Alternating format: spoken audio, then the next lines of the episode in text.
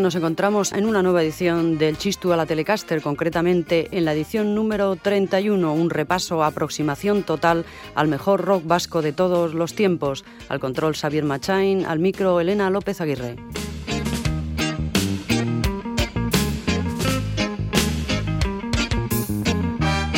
Del Chistu a la Telecaster lleva 30 capítulos de la historia del rock vasco a sus espaldas. Hemos oído de todo: pop, rock, punk, ska, hardcore, thrash metal, reggae, tricky rock, folk rock, rockabilly. A principios de los 80 las tribus juveniles se pegaban si unos eran heavies y los otros punkis o rockabilis. En los 90, en cambio, los estilos musicales tenderían a imbricarse entre sí, produciendo nuevos resultados propios de la evolución. La hegemonía del rock radical terminó definitivamente cuando la generación siguiente subió a los escenarios. Entonces, algún imaginativo crítico escribió que había nacido el hardcore radical vasco. Eran los años que rodearon a 1990 y ahí estamos en el chistu hoy, con un pie en el 89 y el otro en el 91.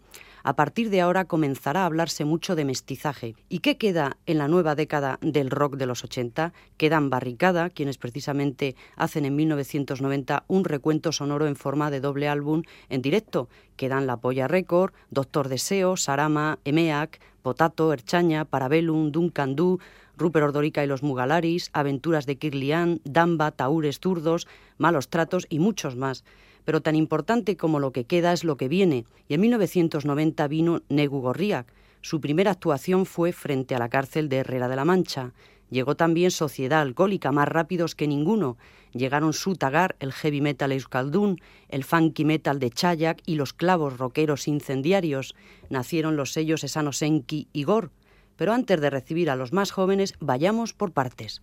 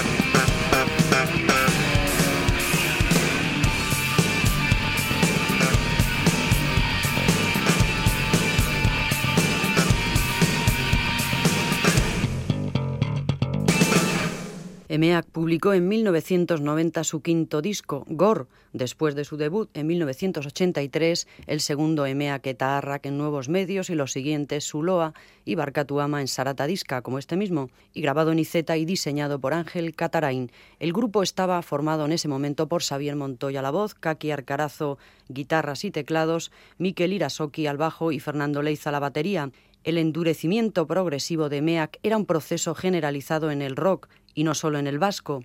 Y en Irún, Vómito sacó su segundo disco, A un paso de la locura, con impactante portada diseñada por el bajista del grupo y fotografiada por Rosa Soloaga, Víctor Pérez a la voz, Bingen Arcas a la guitarra, Klaus Grote en bajo y voz y Álvaro Emparanza a la batería, producido por Aitor Amézaga y editado por Discos Suicidas.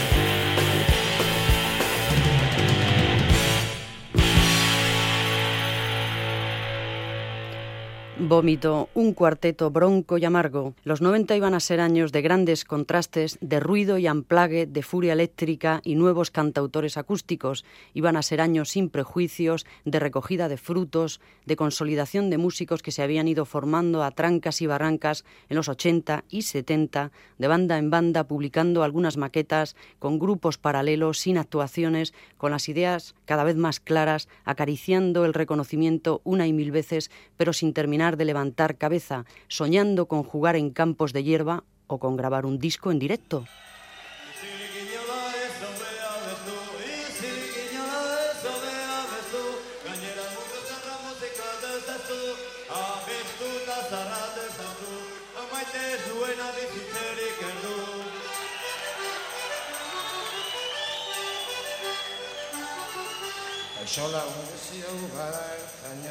Kaixo lagun guzio gara ertzainak, batzuk porraz berotzen dizkigute gainak, ertzainak, berotzen gainak, gu musika zuztuko dizkiegu zainak.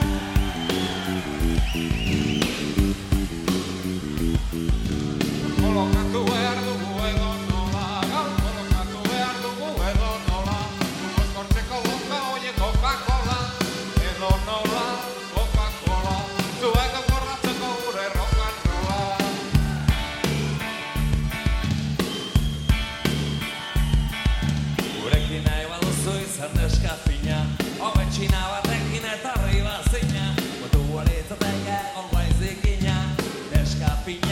arriba, señor.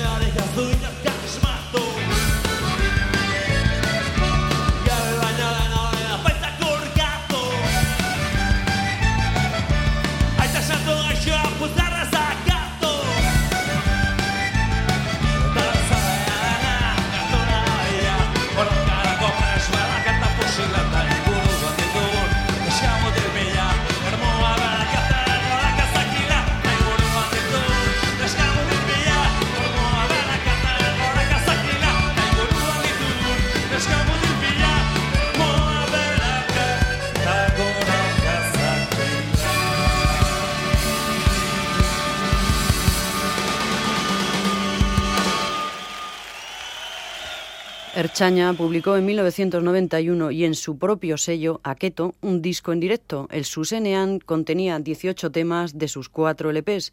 Antes de la grabación del disco, en la Sala Chivisto de Vergara, Erchaña estuvo en Cuba en una expedición cultural vasca bautizada como Habanara Joan Ninchen, de la que ya hemos dicho algo aquí en el Chistu, y que contó también con la participación de Miquel Laboa, Sumeta, Achaga, Arguiñano y Rupert Dórica. Viajé con ellos a Cuba, relataba Bernardo Achaga en el libro La Confesión Radical, y mi impresión fue doble. Primero, la seriedad, que no es que me extrañara porque siempre he tenido en muy buen concepto a los músicos y siempre he pensado que los músicos, al tener que enfrentarse tantas veces a lo más cruel que hay en este mundo, a lo más maligno que es el público, siempre desarrollan una personalidad y siempre suelen ser serios, hagan lo que hagan en el escenario. Y luego me gustó mucho y también me parece que es una buena señal eso que se llama la profesionalidad aunque también en este caso los que repiten continuamente esa palabra de profesionalidad y que yo soy profesional, luego no suelen serlo, suelen ser unos impostores, un poco dando la razón a ese dicho que dice que la gravedad siempre esconde una impostura.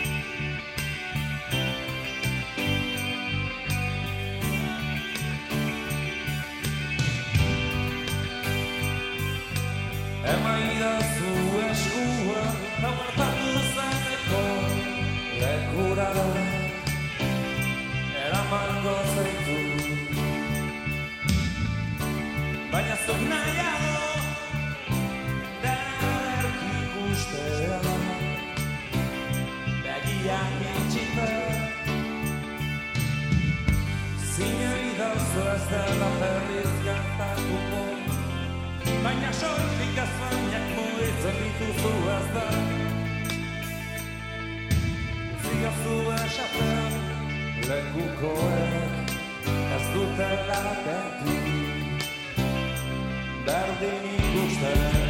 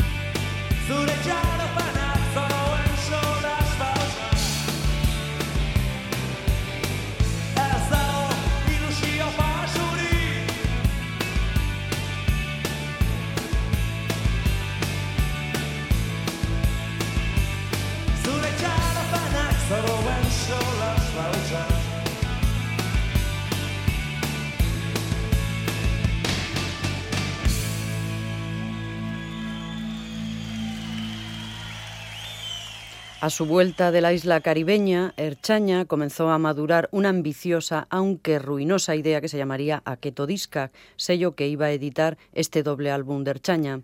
El elevado coste de la grabación y filmación de los conciertos que dieron lugar al Susenean pusieron al borde de la quiebra no solo al sello, sino también al grupo. Y continuamos en el chisto a la Telecaster, en Radio Vitoria, un acercamiento frontal al rock vasco. En 1991 también Los Clavos de Guecho debutaron en formato LP con el disco Revolution Number 10, grabado en los estudios Le Chalet de Burdeos y editado por Romilar de Records de Madrid.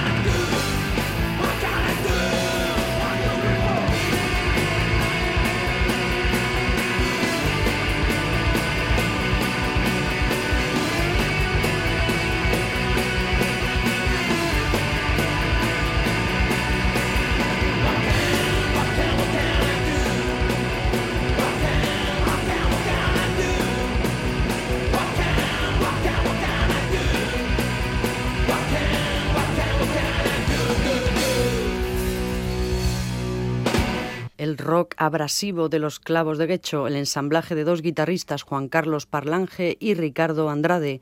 El disco incluía sendas versiones de la Velvet Underground y de Ramones. Había también colaboraciones de la Perrera de Donosti. Y antes de escuchar otro tema de este importante disco del rock vasco, hablemos un poco de radio. Ya iniciados los noventas, solo subsistían los colectivos radiofónicos más potentes, Eguski Ratia, Alavedi Ratia, Molotov y Ratia, pero tras unos años de cierres y de multas hay una recuperación de las ondas hercianas a causa del relevo generacional.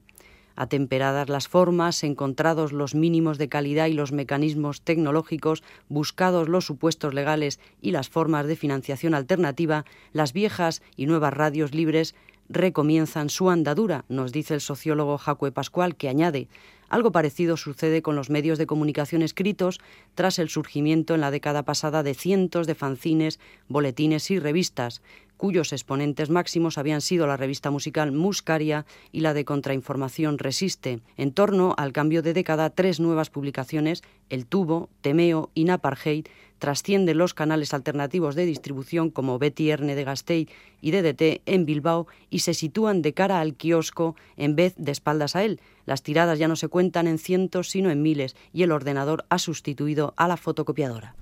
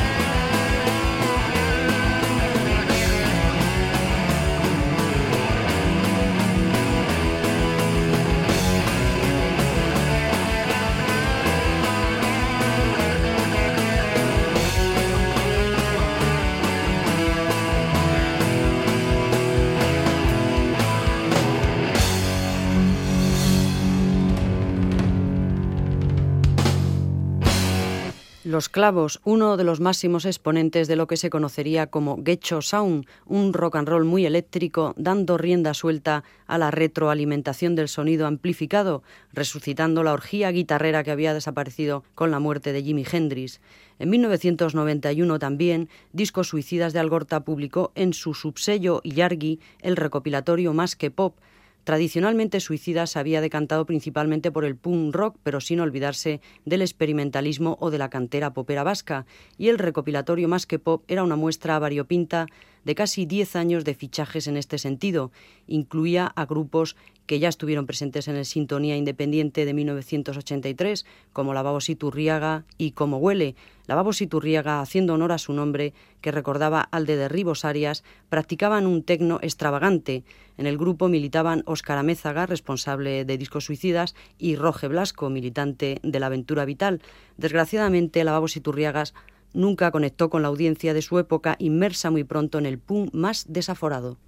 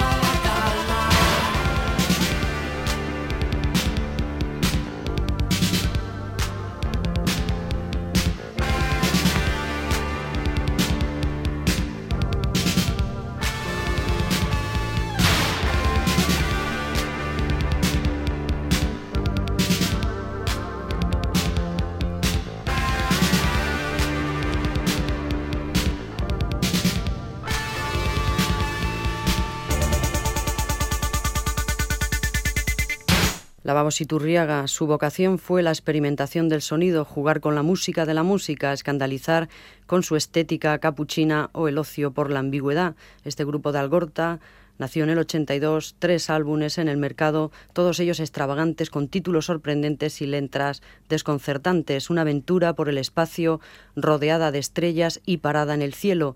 Este recopilatorio más que pop, que recordaba aquel pum baño que llegó, más que pum, de discos suicidas incluía también a Dinamita, Los Raros, Alta Seducción, La Cofradía, Cómo Huele, Rufus, Los Impecables, Corroscada y Doctor Deseo. Y por su parte, Oyuka publicó, publica habitualmente dos tipos de recopilatorios, los de grupos nuevos y los de grupos propios del sello que se han destacado en esa temporada. En el Oyuka 91 encontrábamos a seis bandas, La Polla, Los Bichos, Matraca, MCD, Sasoy y Yunak y Baldimbada, dos nombres de mujer, destacaban en la selección, la selección de las canciones, Izaskun de Sasoy y Yunak y Marina de los Bichos.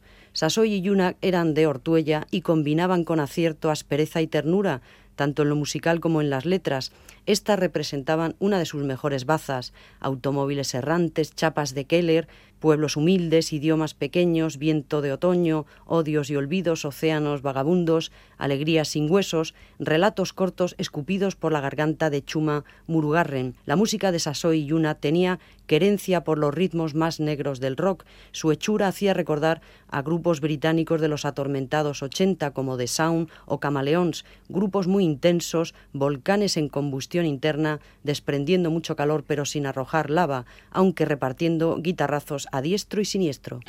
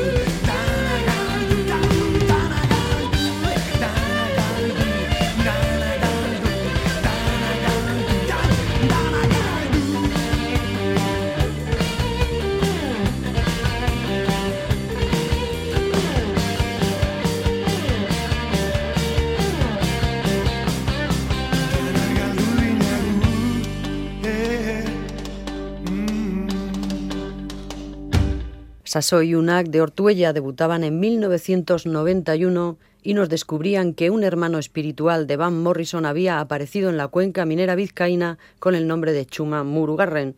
El otro nombre de mujer del recopilatorio de Oyuca era Marina de los Bichos, que iban ya por su segundo disco y que habían sido unos adelantados de la escena indie. Su líder, el prolífico José Chosponda, habitaba un mundo sonoro de fabricación propia.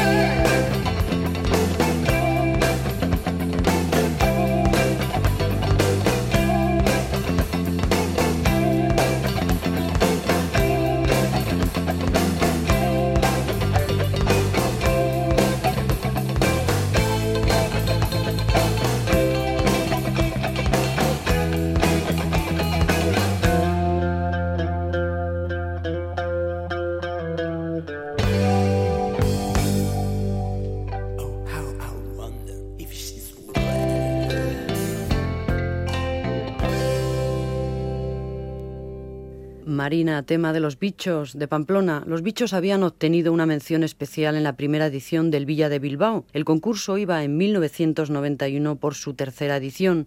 Los ganadores en pop rock fueron Bailanelli de Donosti y los segundos Crin de Crin Crines de Vitoria. En el apartado de rock, los ganadores fueron Rockdam Heavy Metal de Vitoria Gasteiz, que editaron su reluciente primer CD Llévatelo en el sello gallego Edigal.